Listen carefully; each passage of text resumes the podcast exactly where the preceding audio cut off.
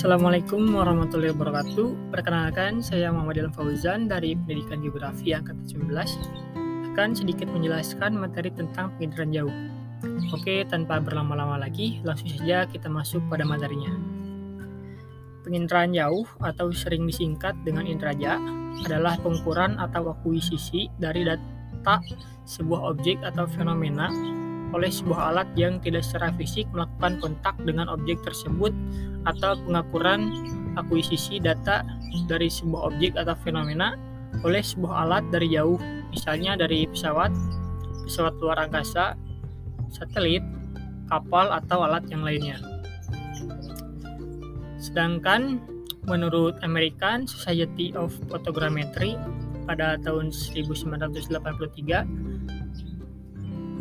menjelaskan bahwa penginderaan jauh adalah pengukuran atau perolehan informasi dari berbagai sifat objek atau fenomena dengan menggunakan alat perekam yang secara fisik tidak terjadi kontak langsung dengan objek atau fenomena yang dikaji. Sumber tenaga dalam proses interaja terdiri dari sistem pasif dan sistem aktif. Sistem pasif adalah sistem yang menggunakan sinar matahari, sedangkan sistem aktif adalah sistem yang menggunakan tenaga buatan seperti gelombang mikro.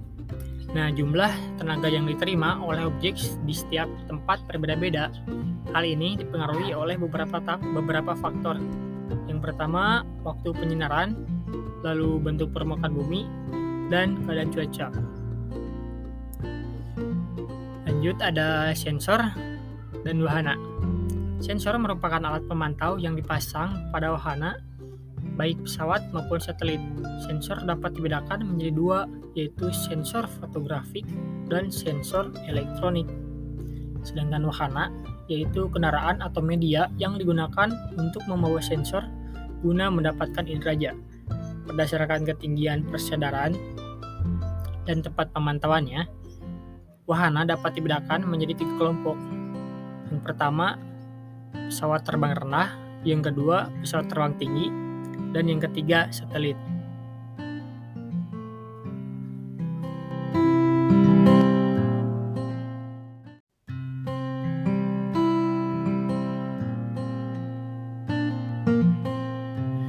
Adapun keunggulan dan kelemahan intraja, yang pertama menurut Sutanto, penggunaan intraja baik diukur dari jumlah bidang penggunaannya maupun dari frekuensi penggunaannya pada tiap bidang mengalami peningkatan yang sangat pesat. Sedangkan kelemahan intraja, eh, walaupun mempunyai kelebihan, penginderaan jauh juga memiliki kelemahan. Antara lain sebagai berikut. Yang pertama, orang yang menggunakan harus memiliki keahlian khusus.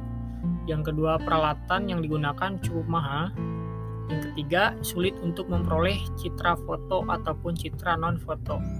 Nah, terdapat berbagai macam bidang yang memanfaatkan penginderaan jauh ini seperti bidang kelautan, bidang hidrologi, bidang geologi, bidang meteorologi dan klimatologi, dan yang terakhir dimanfaatkan oleh bidang oceanografi.